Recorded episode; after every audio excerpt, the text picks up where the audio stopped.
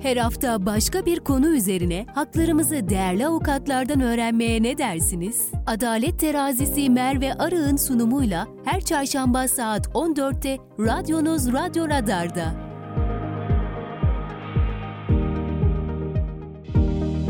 Merve Arı'nın hazırlayıp sunduğu Adalet Terazisi başlıyor. Değerli Radyo Radar dinleyicileri ve Kayser Radar takipçileri, Adalet Terazisi programıyla karşınızdayız. Ben Merve Arı. Her hafta farklı bir konuyu çok değerli hukukçularımızdan dinliyoruz. Bu hafta Adalet Terazisi programında hukukçu Gizemgül Uzun bizimle birlikte. Hoş geldiniz. Hoş bulduk Merve Hanım. Nasılsınız? İyiyim, teşekkür ederim. Siz nasılsınız? Çok teşekkür ediyorum. Uzun bir aranın ardından sonra böyle yeni imajınızla sizi tekrardan burada görmek çok güzel. Tekrardan hoş geldiniz. Sağ olun. Biz bu hafta ne konuşacağız? Boşanma davasını konuşacağız. Ülkemizde de gün geçtikçe hatta özellikle Kayseri'de de artan bir e, boşanmadan bahsediyoruz. E, geçen seneye göre yüzde 36 artmış boşanma evet. ve binde 2.47 olarak hatta 10.110'a çıkmış. Evet. Yani şu anda boşanma istatistiği siz daha iyi biliyorsunuz. Evlilik e, oranına göre çok daha artmış durumda. Biz de böyle e, önemli bir konuyu ele alalım istedik. E, sizler de iyi ki geldiniz, hoş geldiniz. Sağ olun, teşekkür ederim. Şimdi e, bu arada bu konuyla alakalı soruları olan siz değerli takipçilerimiz bizlere sosyal medya hesaplarımızdan yazabilirsiniz. Aynı zamanda 0352 336 2598 WhatsApp iletişim hattımızdan hemen alt bantta da zaten numaramız geçiyor. Oradan da bizlere sorularınız olursa ulaşabilirsiniz. Evet Gizem Hanım sorularımla başlıyorum. E, boşanma davasını davasını kim açarsa avantajlı olur. Evet. Şimdi halk arasında yanlış bilinen bir olgudan bahsetmek hı hı. istiyorum. Boşanma davasını önce açan avantajlıdır sanılıyor ama aslında böyle bir şey yok. Hı hı. Boşanma davasında kusur değerlendirmesi yapılır. Ee, hakim tarafların delillerine bakar e, delillere göre, tanık beyanlarına göre karar verir. Dolayısıyla davayı önce açan davayı kazanır diye bir şey yok. ya da kişinin davayı önce açmış olması ona bir avantaj sağlıyor. Kesin kez bir avantaj sağlıyor diye bir algı yok aslında. Önemli olan dosyadaki beyanlardır, e, delillerdir, tanık beyanlarıdır. Tüm bunlar kolektif bir şekilde değerlendirilir ve hakim bunların hepsine bakarak karar verir. Muhakkak davayı önce açan daha avantajlıdır diye e, bir kaide yoktur. Yani kusurların e, karşılaştırılmaları yapılıyor. Ağır kusurlu olan, daha az evet. kusurlu olan. Yani bugün e, ben üstünden örnek vermeyeyim. Herhangi bir kişi bir boşanma davası açıyor ama açtığı kişiye karşı yani eşine karşı daha ağır kusurlu bir kişi olursa kendi lehine de sonuçlanabiliyor diyebiliyoruz. Tabii. Yani şimdi mesela şöyle bir e, örnek vermek istiyorum. Benim de daha önce gördüğüm bir dosyadan. Hı hı. E, mesela adam zinada bulunmuş. Kadın hı. kadından boşanmak istiyor. Evet. Hani kadının bu evlilikte bir kusuru yok ama sevgisi bitmiş. E, uyumları yok hiçbir şekilde. Boşanmak istiyor. Kusur olmadığı halde mesela dava açmış. Bu onun davayı kazanacağı anlamına gelmiyor. Tam tersi mesela bazen zina eden taraf dahi zina ettiği halde kendisi dava açabiliyor. Evet. Peki bu e, boşanma kaça ayrılır? Türleri nelerdir? E, Türk yargı sisteminde boşanma davası ikiye ayrılmakta. Çekişmeli boşanma ve anlaşmalı boşanma E, olarak. Anlaşmalı boşanmanın tabii ki bir takım şartları var. E, evliliğin en az bir yıl sürmüş olması gerekiyor. Ee, bazen mesela müvekkiller arıyor ben hemen boşanmak istiyorum ama evliliği 7 ay sürmüş. 7 ay evliliği süren birinin hemen boşanabilmesi mümkün değil en az 12 ay sürsün ki dava anlaşmalı olarak bitsin. Yani böyle bir e, durum söz konusu. Evet. E, ve bu anlaşmalı boşanma için tarafların velayet tazminat ve nafaka hususlarında anlaşmaya varmış olması gerekiyor. E, şimdi yine halk arasında yanlış bilinen bir şey var. E, anlaşmalı boşanma protokolünde 3 şey e, üç husus konusunda anlaşmaya varılmalı. Velayet, tazminat ve nafaka.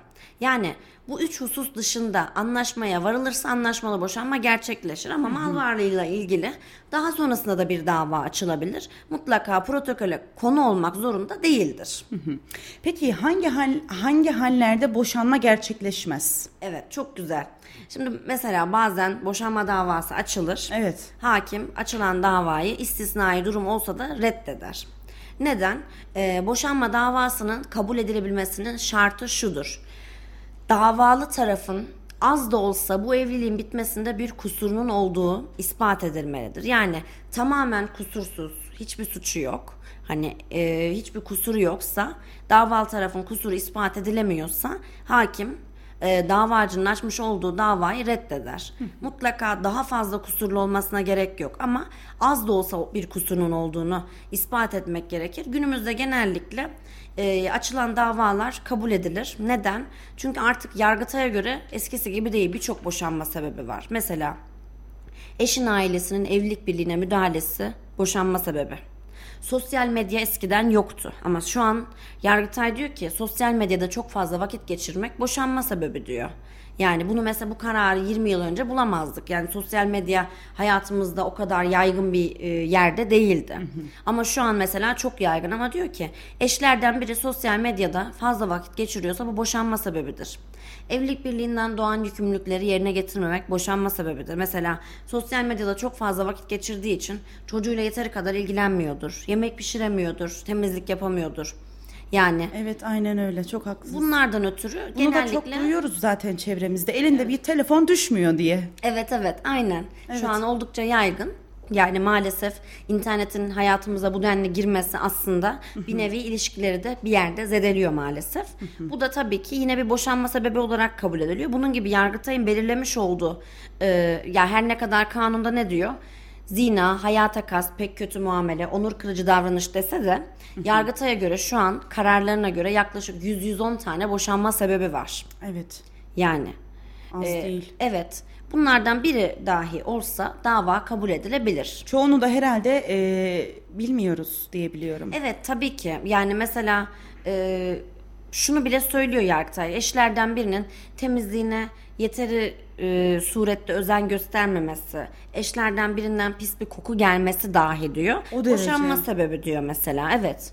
Eskiden tabii ki bu kadar değildi. O yüzden kişilerin kişiler eğer doğru davayı açar ve doğru sebepleri bildirirse ve ona ilişkin emsal karar sunarsa e, boşanma davası kabul edilir. Ama keyfi bir şekilde mahkemeye gidip tabii ki kimse şunu der yani şunu derse e, bu- sıkıldım.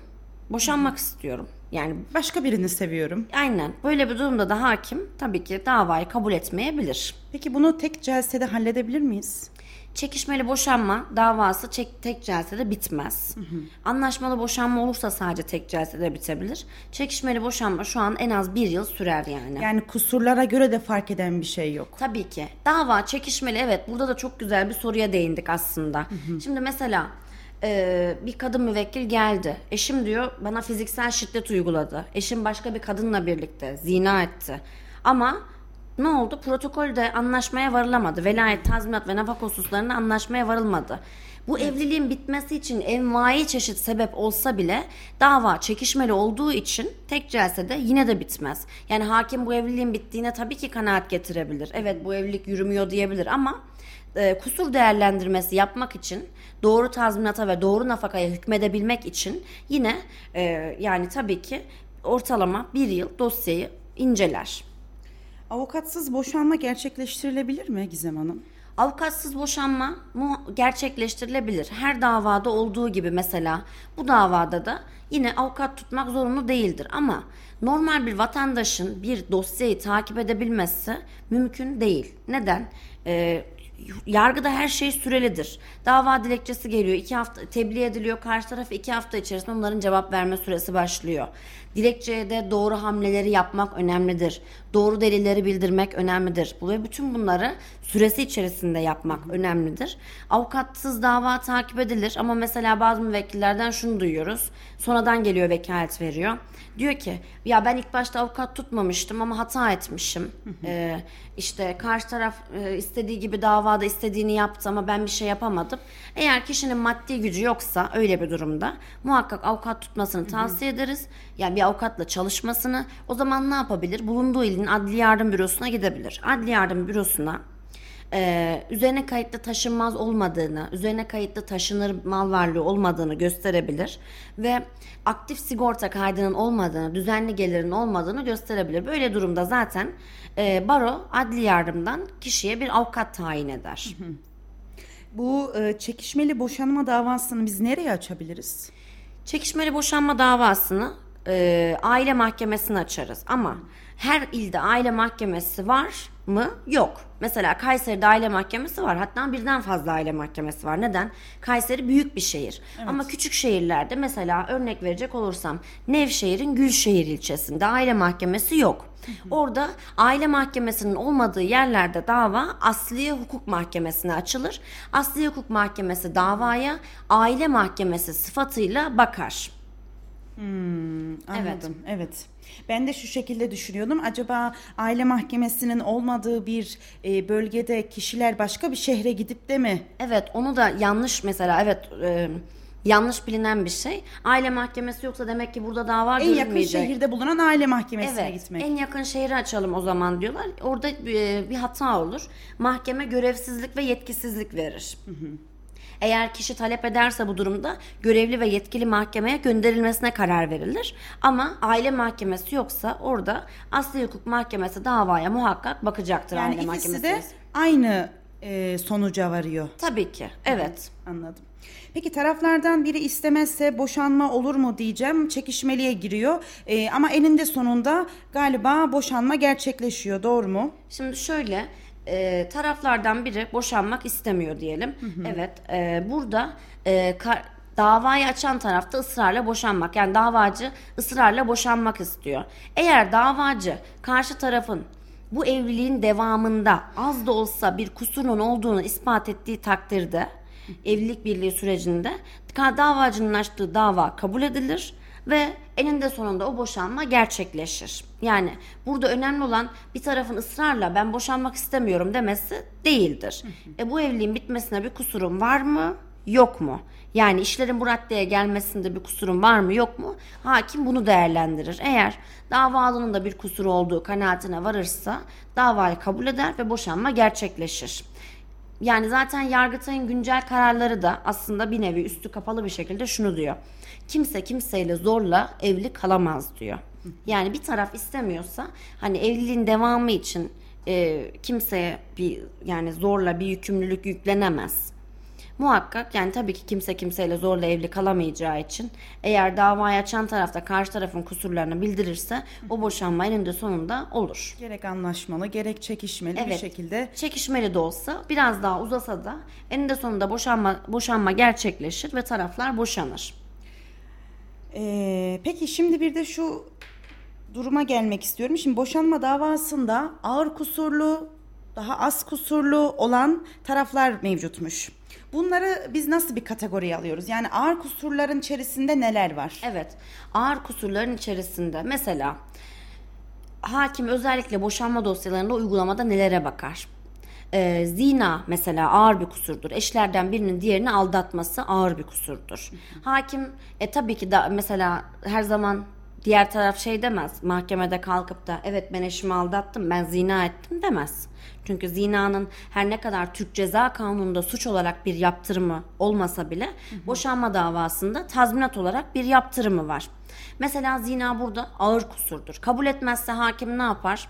HTS kayıtlarına bakar, telefon kayıtlarına, mesaj kayıtlarına bakar, cinsel içerikli yazışmalar var mı yok mu onları değerlendirir ve e, otel kayıtlarını ister. Burada otel kayıtları elinde bir delil yoksa davayı açan tarafın otel kayıtları çok önemlidir. Çünkü Yargıtay diyor ki e, bir kişinin karşı cinsten biriyle diyor bir geceyi aynı otel odasında geçirmesi zinanın varlığına karinedir diyor. Yani zina varsayılır diyor.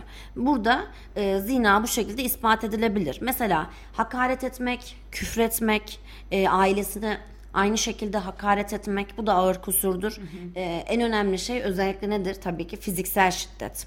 Hakim dosyada fiziksel şiddet iddiası varsa fiziksel şiddete ilişkin bir fotoğraf var mı? diye bakar. Ya da darp raporu var mı diye bakar. Darp etmek ağır kusur kabul edilir. Aslında bununla ilgili birçok sebep var. Yine Türk toplumunda e, benim en sevdiğim karar ve güncel bir karar. Eşlerden birinin ailesinin evlilik birliğine müdahalesi. Yani Türk toplumunda çünkü maşallah evlilik zaten halay gibi. Avrupa'da tango, burada halay gibi olduğu için taraflar evlendiği zaman Ay, maalesef aileler e, şey yapamıyor, bir yerinde duramıyor, bir müdahale etme e, şeyinde bulunabiliyor. Bir müdahale edeyim. Herkes bir ben mendili bir olayım. ben sallayayım istiyor. Aynen bir ben olayım diyor, bir ben olayım diyor. Ama bu tabii ki doğru değil zaten ama ve aynı zamanda bu da boşanma davasında ağır kusur. Hem kadın için hem erkek için. Kim ailesini karıştırıyorsa evliliğe, kim müdahale ettiriyorsa bu da yine ağır kusur olarak kabul ediliyor. Ee, mesela evlilik birliğinden doğan sorumluluğu yerine getirmemek. Ee, Birçok insan şu an çocuk sahibi ama herkes anne baba olamıyor. Evlilik birliğinden doğan sorumluluk denilince aklımıza yemeği pişirdin mi? Ee, temizliği yaptın mı? Değil. Evlen, evlenmek bir sorumluluk gerektiriyor. Şimdi bazen çiftler özellikle yeni jenerasyon tabii ki çok fazla ders çalıştığı için evinde şöyle bir ortam oluyor. Ee, aman kızım ders çalışsın meyve tabağı önüne gelsin. Bu sefer ne yapıyor? Aslında tabii ki anneler babalar yardımcı olmak istiyor ama evliliğin sorumluluğunu kaldıramayan çiftler evlenmiş oluyor ve bir bakıyor evin sorumluluğu. Faturalar gelmiş. Ee, belli bir mutfak gideri var. Bir kira var. Ee, ondan sonra mesela normalde açıp Netflix'ten film izleyecek ama ne oldu? Bulaşık makinesi var boşaltılması gerekiyor. Herkesin şunun bilincinde e, varması gerekiyor. Yemek tencerede kendi kendine pişmez. Bulaşık makinesi kendi kendine boşalmaz. Çamaşırlar da böyle kendi kendine asılmaz. Evet. Yani aslında iki birey de özellikle erkek de çalışan bir kadınla evleniyorsa elini taşın altına koyması gerekiyor. Evet. Yani e, bir nevi aslında merhametiyle demesi gerekiyor ki o çalışıyor ben de çalışıyorum. E, o bu işi yapıyorsa ben de evde bu işe yardımcı olabilmeliyim demesi lazım.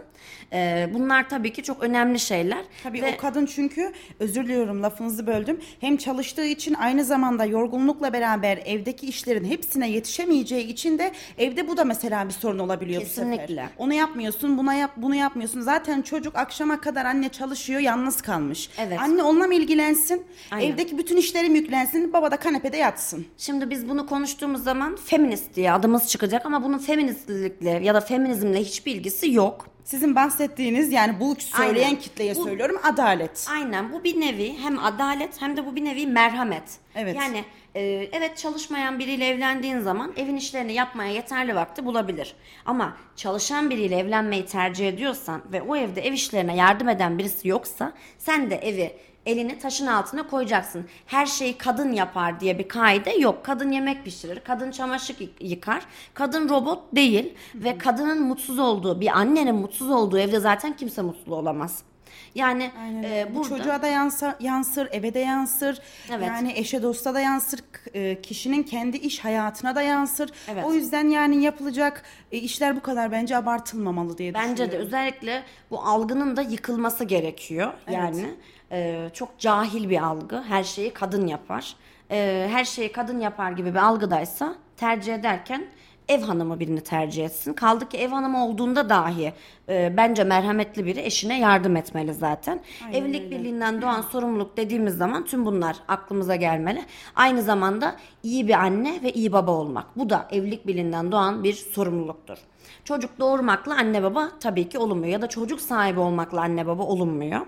Şimdi e, sözü meclisten dışarı tenzih ederek söylüyorum. Şimdi bazı babalar eve ekmek getirmeyi tırnak içinde babalık zannediyor. Babalık sadece eve ekmek getirmek değildir.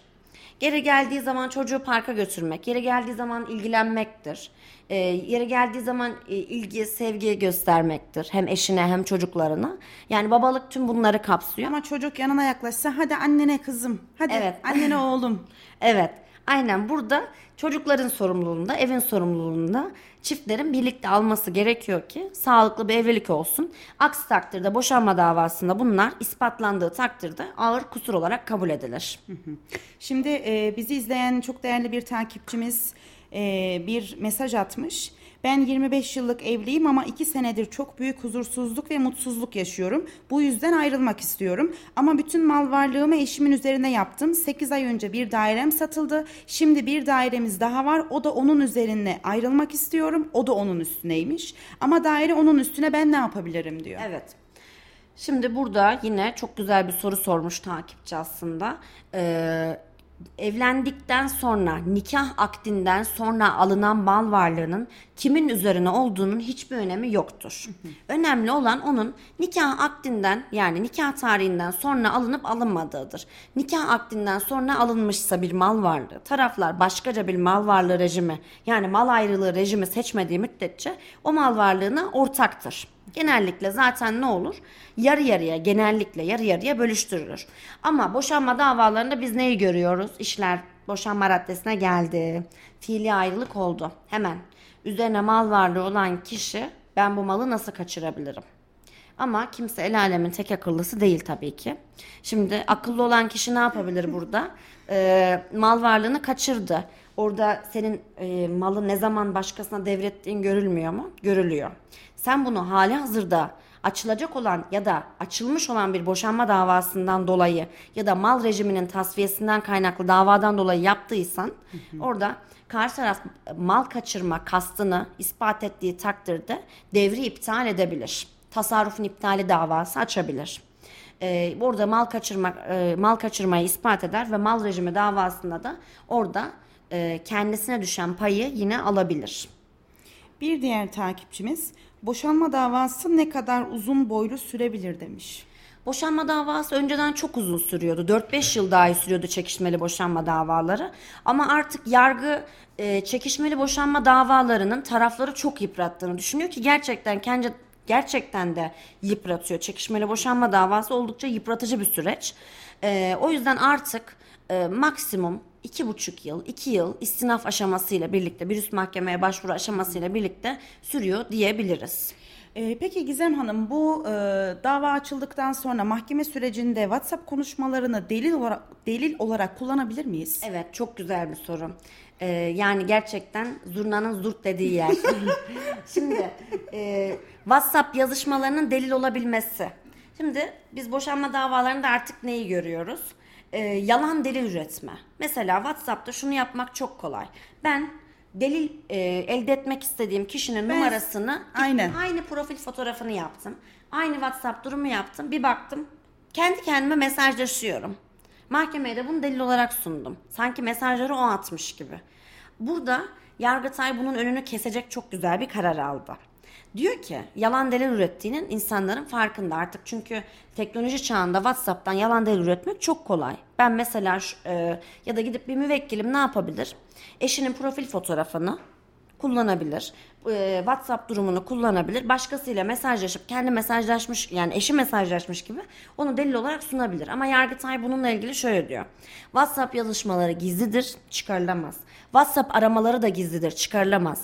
Eğer WhatsApp yazışmalarının delil olmasını istiyorsan WhatsApp'tan ekran görüntüsü alırken o kişinin diyor üstte numarası görünecek diyor.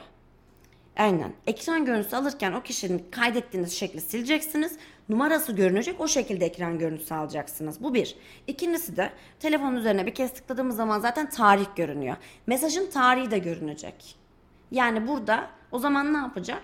Dosyaya gerçek deliller düşecek. Yani kimse yalan delil üretemeyecek. Kaçamazsınız. Evet, gerçekten delil olabilecek şeyler düşecek ama tabii ki bazı insanlar ne yapıyor? Bunun bile önünü kesiyor. Ee, mesela biri boşanmak istiyor, diğeri istemiyor. Boşanmak istemeyeni sırf davada tazminat ödememek için o anın e, duygu sömürüsüyle, manipülasyonuyla yanına çağırıyor. Ee, ben bir lavaboya gidiyorum diyor. Telefonu alıyor. Onun telefonundan kendi telefonuna mesaj atıyor. Affetme tarzında. Niye? Boşanma davasında af çünkü çok önemlidir. Yani orada karşı tarafın aleyhine delil üretmek üretmeye çalışıyor.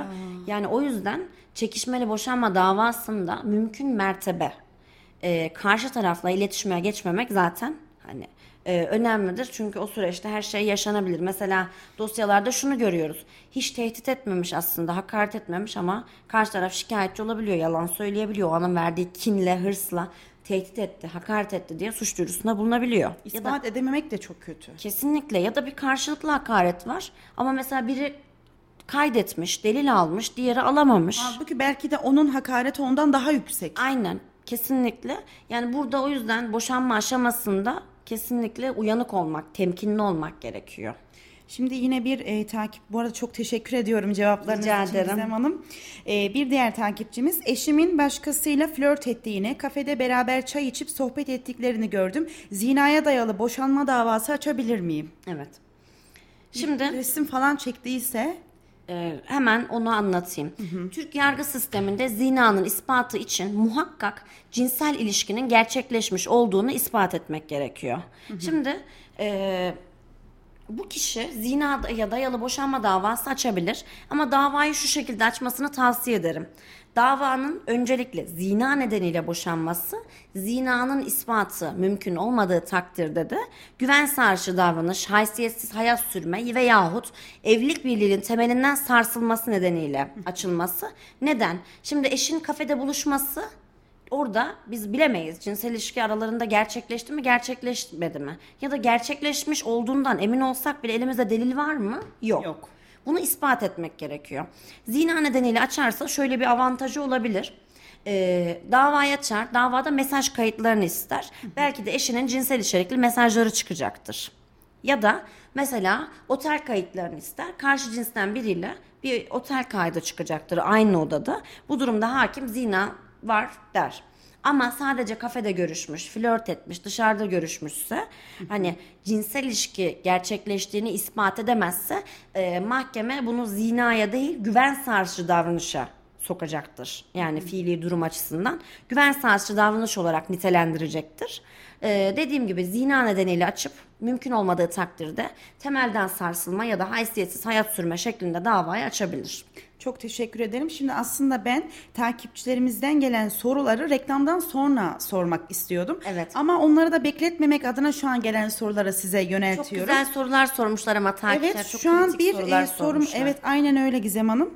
Ee, şu an bir sorumuz daha var ama ben boşandım 80 bin lira tazminat 2250 nafaka 150 milyon zinet eşyası davam var. Sadece nafakayı ödesem bana bir şey yapabilirler mi diyor. Evet. Biraz Şimdi- tehdit mi alıyor acaba? Ee, sanırım bunu soran bir erkek. Evet. Ee, kadın da ziynet eşyaları yönünden nafakayı yani, e, davayı kazanmış. Evet. Şimdi şöyle e, nafakayı öder, e, tazminatı ve zinet eşyalarını yani zinet alacağını ödemezse karşı taraf icraya verebilir. İcra takibi başlatabilir. Bu, bu durumda yargılama giderleri çıkar, karşı vekalet ücrete çıkar ve dosyaya her gün faiz işler. Yani gene bir yaptırımı olur tabii ki. Şimdi e, bir soru daha var. Çünkü sorular okudukça şaşırıyorum. Size Evet. sorarken yüzümden belli oluyordur. Evet. Eşimin zina ettiğini düşünüyorum ama bu durumu ispatlamama imkanı bulun, bulamıyorum demiş. E, zina geçimsizliğimize sebep oluyor. Boşanma davasını nasıl açabilirim demiş. Boşanma davasını şu şekilde açabiliriz. Zina nedeniyle boşanma davası mümkün olmadığı takdirde evlilik birliğinin temelinden sarsılması olarak açabilir. De, e, bir önceki soruya bir tık benziyor. Orada e, ne yapabilir? Dediğim gibi mesaj kayıtlarını ve otel kayıtlarını talep eder. Belki de karşı cinsin otel kayda çıkacaktır ya da e, davacının kullanabileceği, onun aleyhine kullanabileceği bir mesaj kayda çıkacaktır. E, bu şekilde ispat edebilir. Yani çünkü mesajın içeriğini bilemez. Belki de karşı cinsten biriyle cinsel içerikli konuşmalar Evet. gerçekleşmiş. E, bu durumda karşı cinsle cinsel ilişkinin gerçekleştiği mesaj yoluyla ispatlanırsa da zaten zina varsayılır. Şu anda tam olarak sizin anlattığınız ve takipçilerimizin sorduğu soruların frekansı tam uyumlu gidiyor Evet. Gizem Hanım. Evet. Ee, mesela bir takipçimiz eşimin beni aldattığını gizli kameraya çektiğim görüntülerle ispat edebilir miyim diyor. Sizin daha yeni söylediğiniz e, kafede otururken görsem çeksem diye yani HTS kayıtları falan demiştiniz. Evet. Ee, bir kez daha isterseniz bunun da cevabını verebiliriz zaten. Yani eve gizli kamera yerleştirmek mi? Gizli kameraya çektiğim görüntüler galiba ondan bahsediyor. Tamam şimdi ona şöyle değinelim.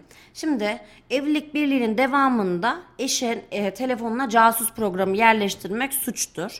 Eve sabit sürekli gizli kamera yerleştirmek de aynı şekilde suçtur. Bu şekilde delil elde edilse dahi hukuka aykırı delil e, kabul edilir ve e, hakim karar verirken bu delili hükme esas alamaz. Ama şöyle bir durum oldu diyelim spontane gerçekleşen bir durum oldu. Mesela kişi eve girdi, bir baktı evde başka bir kadın var. Eşi başka bir kadınla kendisini aldatıyor. O an hemen telefonu açabilir, hemen kamera kaydını alabilir. Bu durumda hukuka uygun delil kabul edilir. Çünkü e, boşanma davalarında ses kaydı ya da aniden çekilen video kaydı hı alenileşmiş durumlarda sadakatsizlik ispatında veya rızaya tabi kayıtlarda hukuk uygun delil kabul edilir. Yani bir nevi baskın yaparak aniden yakaladığında e, alırsa o kaydı hukuk uygun delildir. Ama sürekli olarak casus programından delil elde etmek ya da gizli kamerayla sürekli delil elde etmek suçtur. Şimdi uygulamada biz aslında şunu da görüyoruz. Bazı insanlar dedektif tutuyor. Yani bu da suç aslında. Yani hatta bunu desteklemek de suç. Yani özel hayatın gizliliğini ihlal suçu. Şimdi avukata da gidip benzer şekilde mesela de gerekirse dedektif tutalım. Hani parası neyse verelim böyle bir şey yok. O özel hayatın gizliliğinin ihlal suçu. Hukuk uygun şekilde delil elde etmek her zaman daha sağlıklıdır. Hı hı. Çünkü haklıyken haksız konuma düşmek de var. Bu durumda e, yani Türk Ceza Kanunu'nda özel hayatın gizliliğini ihlal diye bir suç var. Bu suç işlenmiş olabilir. Şimdi kısa bir reklam arası verelim istiyorum. Tabii. Siz de bir soluklanın. Takipçilerimizde varsa soruları bize halen yazmaya devam edebilirler. E, 0352 336 25 98 WhatsApp iletişim hattımız. E, diğer sosyal medyalarımızdan da yine bizlere yazabilirsiniz. Biz görüyoruz ve burada da avukat hanım cevaplandırıyor. Değerli Radyo Radar dinleyicileri ve Kayser Radar takipçileri Adalet Terazisi programı kısa bir aranın ardından devam edecek. Şimdi reklamlar. Sen de hayatı dolu dolu tat. Aç bir meysu dolu dolu hayat. Sen de hayatı dolu dolu tat. Aç bir meysu dolu dolu hayat. Her bütçeye uygun birbirinden eşsiz mobilyalar Dizze Home'da. Yılların verdiği tecrübeyle kalite ve konforu tasarlayan ekibimizle yaşam alanlarınızı Dizze Home modasıyla renklendirin. Konforundan vazgeçemeyeceğiniz ürünlerimizi görmeniz için sizleri mağazalarımıza bekliyoruz.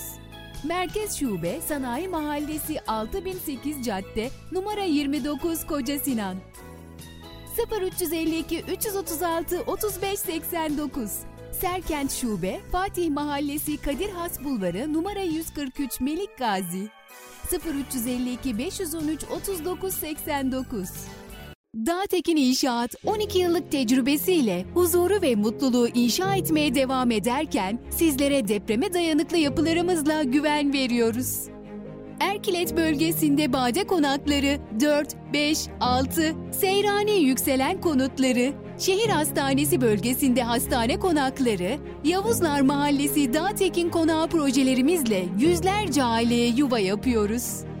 Erkilet bölgesinde yer alan villa projelerimiz İnceada Villaları 1, 2, 3 ile doğanın kapılarını sizlere aralıyoruz. Siz de bu projelerde yerinizi almak, Dağtekin'le yuva sahibi olmak için acele edin. Adres Sümer Mahallesi Erkilet Bulvarı numara 22 Taksim A Koca Sinan. Telefon 0352 220 çift 011 0533 652 çift 045 Tekden Hastaneleri bilgilendiriyor. Öksürük atakları, balgam çıkarma ve nefes darlığı, göğüs ağrısı yaşıyorsanız siz de koa hastası olabilirsiniz. Vakit kaybetmeden doktorunuza başvurunuz. Tekden Hastaneleri bilgilendirdi. Bir imza düşünün. Olduğu her yere değer katan, hayat veren. Hayalleri gerçeğe dönüştürürken memleketin her karış toprağına güçlü projelerin temelini atan bir imza. İlkleri yaşatan aynı imza şimdi sizleri yeni projelerine davet ediyor. Bu imzayı tanıyorsunuz. Çünkü 5 yıldır olduğu her yerde farkını yaşıyorsunuz. En iyisini isteyenler için değeri her geçen gün artan yaşam projeleri Grup Avenir güvencesiyle Yozgat ve Kayseri'de. Reklamları dinlediniz. Merve Arı'nın hazırlayıp sunduğu Adalet Terazisi devam ediyor. Değerli Radyo Radar dinleyicileri ve Kayser Radar takipçileri Adalet Terazisi programı kısa bir aranın ardından sonra devam ediyor. Bu hafta hukukçu Gizem Gül Uzun bizimle birlikte boşanma davasını işliyoruz. E, reklamdan sonra yani şu andan itibaren için sizlerden gelen soruları cevaplandıracaktık ama bazı takipçilerimizden gelen sorular e, beklemesinler diye reklamdan önce cevaplandırdık. Şu anda hala varsa sorularınız bizlere 0352 336 25 98 WhatsApp WhatsApp iletişim hattımızdan da ulaşabilirsiniz. Yine aynı zamanda e, sosyal medyalarımızdan da bizlere yazabilirsiniz. Biz zaten görüyoruz ve burada da cevaplandırıyoruz. Şimdi Gizem Hanım devam ediyoruz. Hızlı bir giriş yapıldı ama e, bir takipçimiz demiş ki boşanma aşamasındayken eşim evi boşalttı. E, benim uzaklaştırmam varken kameranın sigortasını e, sokup evi boşalttı. Sonra boşanma oldu. Boşanmadan önce evi boşaltabilir mi demiş. Lütfen biraz daha e, soruları yazarken e, açıklayıcı yazarsanız çünkü çok zorlanıyoruz. Ben de direkt okuduğum için bazen e, yanlış da anlaşılabiliyor. E, küfür fes vesaire yok zaten ama lütfen biraz daha açıklayıcı yazarsanız bizim açımızdan da çok daha iyi olur. Ben kendi sorumla devam etmek istiyorum. Bizi Soruya da isterseniz kısaca bir cevap vereyim. ben anlayamadım çünkü soruyu da o yüzden. Ben anladığım kadarıyla cevap Tabii, vereceğim. Buyurun Gizem Yanlışlık Hanım. olmasın. Tamam. Şimdi boşanma davası açmadan önce kişilerin şöyle bir hakkı var. Eş, evde eşyalar ortak alınmışsa eğer eşyalar ya da her iki, yani eşyaları çiftler aldı diyelim ya da her iki tarafın ailesi birlikte aldı diyelim. Tarafların taraflara şunu yapmasını tavsiye ederim. Eğer eşyaların paylaşımı konusunda anlaşamayacaklarsa eşya tespiti değişik iş dosyası ile eşya tespiti yaptırmalarını tavsiye ederim. Ee, bir dilekçeyle başvuru yapacaklar. Ee, ikamet adreslerini bildirecekler. Evdeki eşyaların markası, modeli, cinsini, her şeyini bildirecekler. Eve gelecek, bilir kişi gelecek. E, hakim gelecek. e, fotoğraflar çekilecek. Evde bir eşya tespiti yapılacak. Eşya tespiti yapılırsa evde ne olduğu belli olur. Daha sonra bu mal rejimi davasına kolaylıkla konu edilebilir. E, peki evi terk eden eş kusurlu mudur? Evet. Evi terk eden eş her zaman kusurlu değildir ama evi keyfi olarak terk etmek tabii ki kusurdur ama yargıda bunun bir takım süreleri var. Önce 4 ay geçecek. 4 aydan sonra terk nedeniyle dava açabilmesi için kişinin mesela 4 aydan sonra bir ihtar gönderecek. Eve dön ihtarı. 2 ay süre geçtiği takdirde terk nedeniyle boşanma davası açabilir. Ama evi terk eden eş her zaman kusurludur diyemeyiz. Çünkü niye? Bazen kadın mesela erkeğin üzerine bir şey fırlatmıştır fiziksel şiddet vardır ya da argo kelime kullanmıştır, hakaret etmiştir. En son dayanamayıp evi terk etmiştir. Yani çocukların önünde de bir huzursuzluk vardır. Ya da mesela canından endişe ederek terk etmiştir. Ya da bazen tam tersi olur. Kadın erkeğe şiddet uygulamıştır. Can havliyle gider darp raporu alır. Eve bir daha gelmez. Bu durumda terk taraflara e, kusur olarak yüklenemez. Ama keyfi olarak terk etti, gitti. Yani e, evli bir birey olduğunun bilincine varamadı. Bu durumda terk kusur kabul edilir. Şimdi e, bir takipçimiz aslında bizim en başında konuştuğumuz bir cümleyi galiba yanlış algılamış. E, baba kanepede öylece yatıyor ne demektir? Ne yerine koymaya başladınız bu babaları biraz açabilir misiniz demiş. E, değerli takipçimiz galiba beni yanlış anlamış. Ben bunu genelleme yaparak söylemedim. Daha çok evde eşine yardım etmeyen Aynen. ve aynı zamanda da e, çalışan bir eşi olup da eve yetişemediği durumda eşine e, laf söyleyen eşini üzen, kalbini kıran ve aynı zamanda çocuğuna yeteri kadar sevgi ve değer vermeyen babalar için söyledim. Genelleme yapmadım. Evet. Buradan da bunu düzeltmek istiyorum. Bu soru da arada kaynamış. Şu anda gördüm ve cevaplamak istedim. Evet. Yani tabii ki sözüm yani genelleme yapılarak konuşulamaz. Evet. Yani burada her zaman erkekler kötüdür ya da her zaman kadınlar kötüdür denmiyor. Ee, Yani evliliğin siz zaten böyle bir- Sözümüz meclisten dışarı Evet. her zaman bir genelleme yapılamaz. Çünkü bazen evliliğin bitmesinde kadın kusurludur bazen Aynen erkek öyle. kusurludur. Aynen genelleme öyle. yapılarak. E, siz zaten böyle bir olmadığınıza eminim ben bunu yazan bir kişinin. Evet. Siz üzerinizde hiç alınmanıza gerek yok. Devam ediyorum. E, bir kadın kocasını evden kovabilir mi? Evet. Kadın kocasını evden niye kovuyor şimdi bu önemli. Ee, mesela kadın kocasının zinasını yakaladı mı? Yani bir başka bir kadınla flört ettiğini mi gördü? Ya da e, şey mi oldu mesela nasıl diyeyim kendisine uygulanan ağır bir psikolojik şiddet var mı? Bir fiziksel şiddet var mı? Yani ya da keyfi olarak sen bu evden gitme dedi. Burada yani somut olaya göre dosya içeriğine göre bir değerlendirme yapılabilir. Eğer hiçbir kusuru yokken e, eşi evden kovmuşsa tabii ki kusur kabul edilir. Ama bir kusuru o, var gerçekten yani at- atıyorum e, can güvenliği yerinde değildir git demiştir uzaklaştırma aldırmıştır. O zaman haklı bir sebep var kabul edilir ama diğer durumlarda haklı sebep var kabul edilmez. Şimdi bir e, bayan takipçimiz yazmış. Eşimin sokakta başka bir kadını öptüğünü gördüm. Başkaca bir delilim de yok. Zina sebebine dayalı olarak boşanma e, boşanma davası açabilir miyim? Zina sebebi zinaya dayalı olarak boşanma davası açabilir. Ama e, zinaya dayalı boşanma davası açması zinanın mahkemece kabul edileceği anlamına gelmiyor. Eğer mahkemede eşin yani zina eden eşin e, aleyhine bir delil bulursa, mesela bir otel kaydı bulursa, cinsel içerikli mesajlar görür bulursa, yani e, mesaj kayıtları mahkemeye celbedildiği zaman o zaman zina var kabul edilir ama e, sokakta e, sarılmak ya da ne bileyim e, başka bir kadını öpmek e, yani Yargıtay tarafından da aile mahkemeleri tarafından da zina kabul edilmiyor. E, cinsel ilişkinin tam olarak gerçekleştiğini ispat etmek gerekiyor. Yani zinanın ispatı biraz zor aslında. Yorucu bir süreç evet. Evet zina zor. Bazen kişiler biliyor ama ispat etmekte güçlük yaşıyorlar. Yani çünkü karşı taraf zina ettiğini çok kolay saklayabiliyor. Çok Niye? profesyonel kişiler var. Tabii. Mesela yedek telefon kullanabiliyor.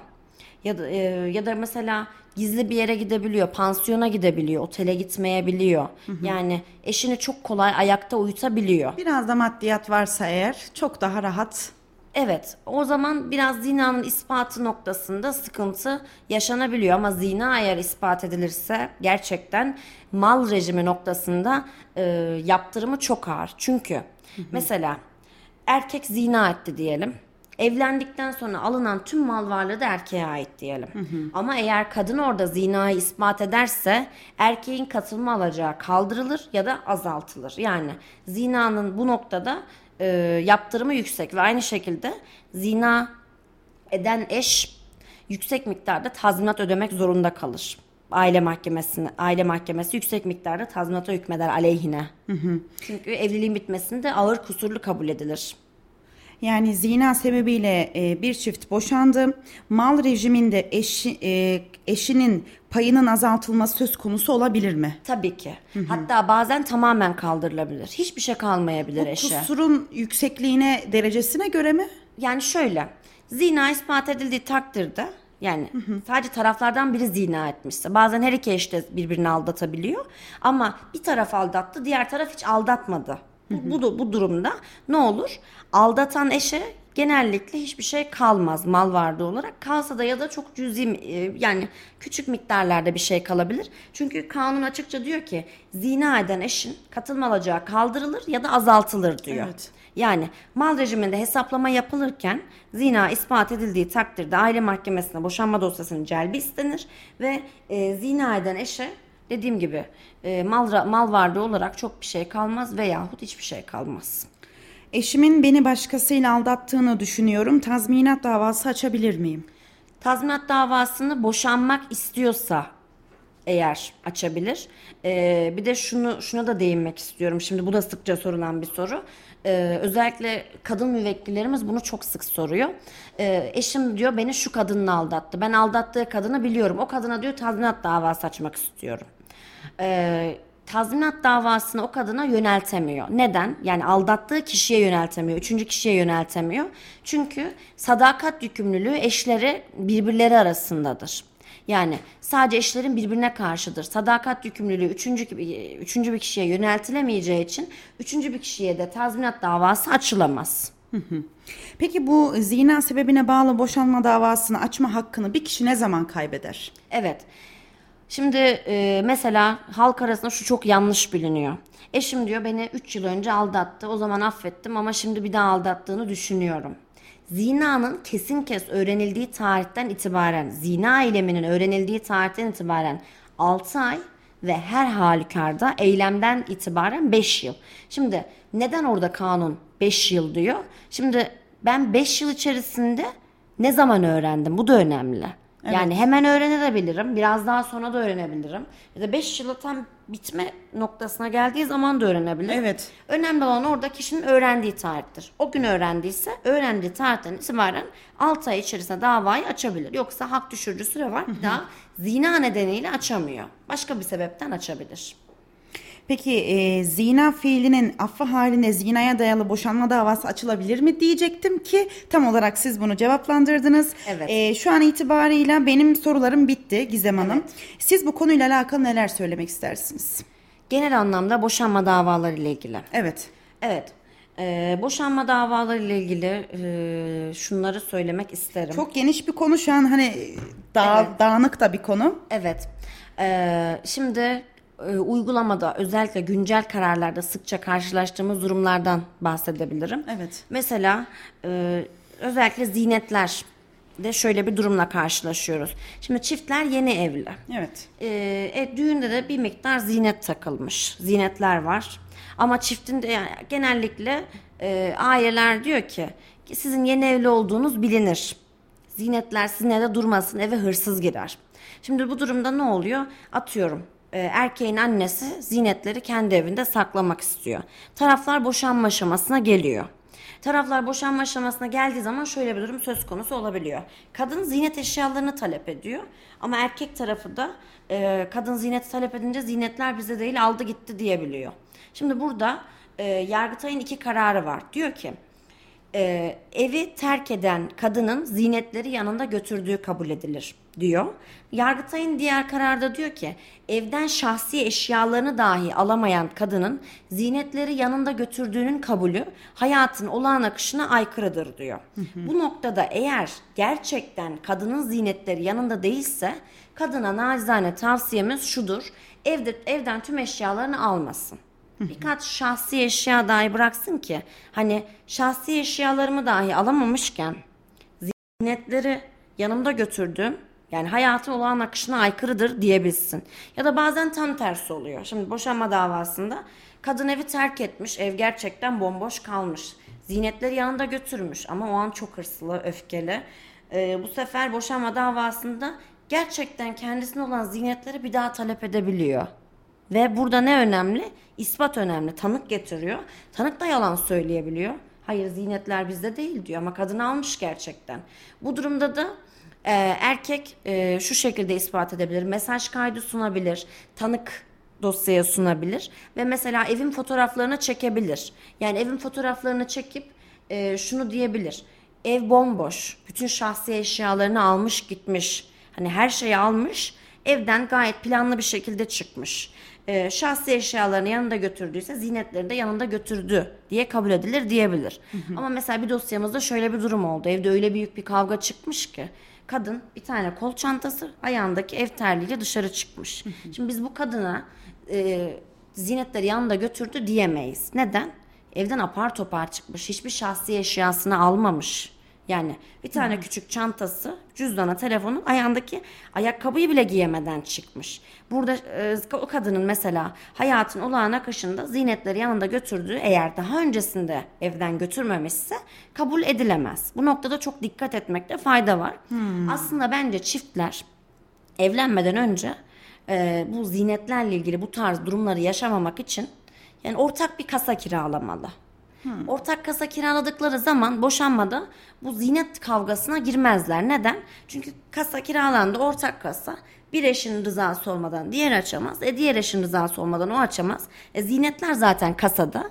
Nerede kimde olduğu bilinir rahatlıkla. Olay ziynete dönünce insanların da rengi değişiyor. Yani Tabii ki. şimdi bu konudan bağımsız gerçekten yolun başında tanıdığınız insan çok başka. Ama böyle bir noktaya gelindiği zaman işin içine para, arsa, ziynet eşya ya da herhangi bir ev eşyası girdiği zaman bambaşka kişilere dönüşülüyor. Kesinlikle. Çok üzücü de bir durum yani. Yani maalesef bir söz var. Ee, aslında bizim Türk toplumunda geçerli olan bir şey. Ee, mesela şimdi biz yurt dışından gelen müvekkilleri görüyoruz. Tabii ki tenzih ediyorum, herkesi kastetmiyorum. Bir bakıyoruz onlar hiç boşanıyor gibi değiller. Yurt dışından gelen müvekkiller, yabancı müvekkiller. Mesela e, veda yemeği yiyorlar. Boşanma davasından önce gayet e, kafeteryada çay kahve içiyorlar böyle. Bu şekilde boşanabiliyorlar ama bizim Türk yargı Türk sisteminde, Türk yargı sisteminde ve Türk milletinde maalesef istisnalar tabii ki kaideyi bozmaz ama genellikle böyle çetrefilli çekişmeli boşanma davaları oluyor. Her iki taraf birbirine düşman oluyor böyle. Evet. Aileler düşman oluyor, taraflar düşman oluyor. Yani keşke tabii ki medeni bir şekilde boşanmalar olsa. Yani hani çekişmeli boşanma davası aslında şu anlama gelmiyor. Ben seninle velayet konusunda anlaşamadım. Tazminat konusunda, nafaka konusunda anlaşamadım. Ama bundan sonra iki düşmanız anlamına gelmiyor.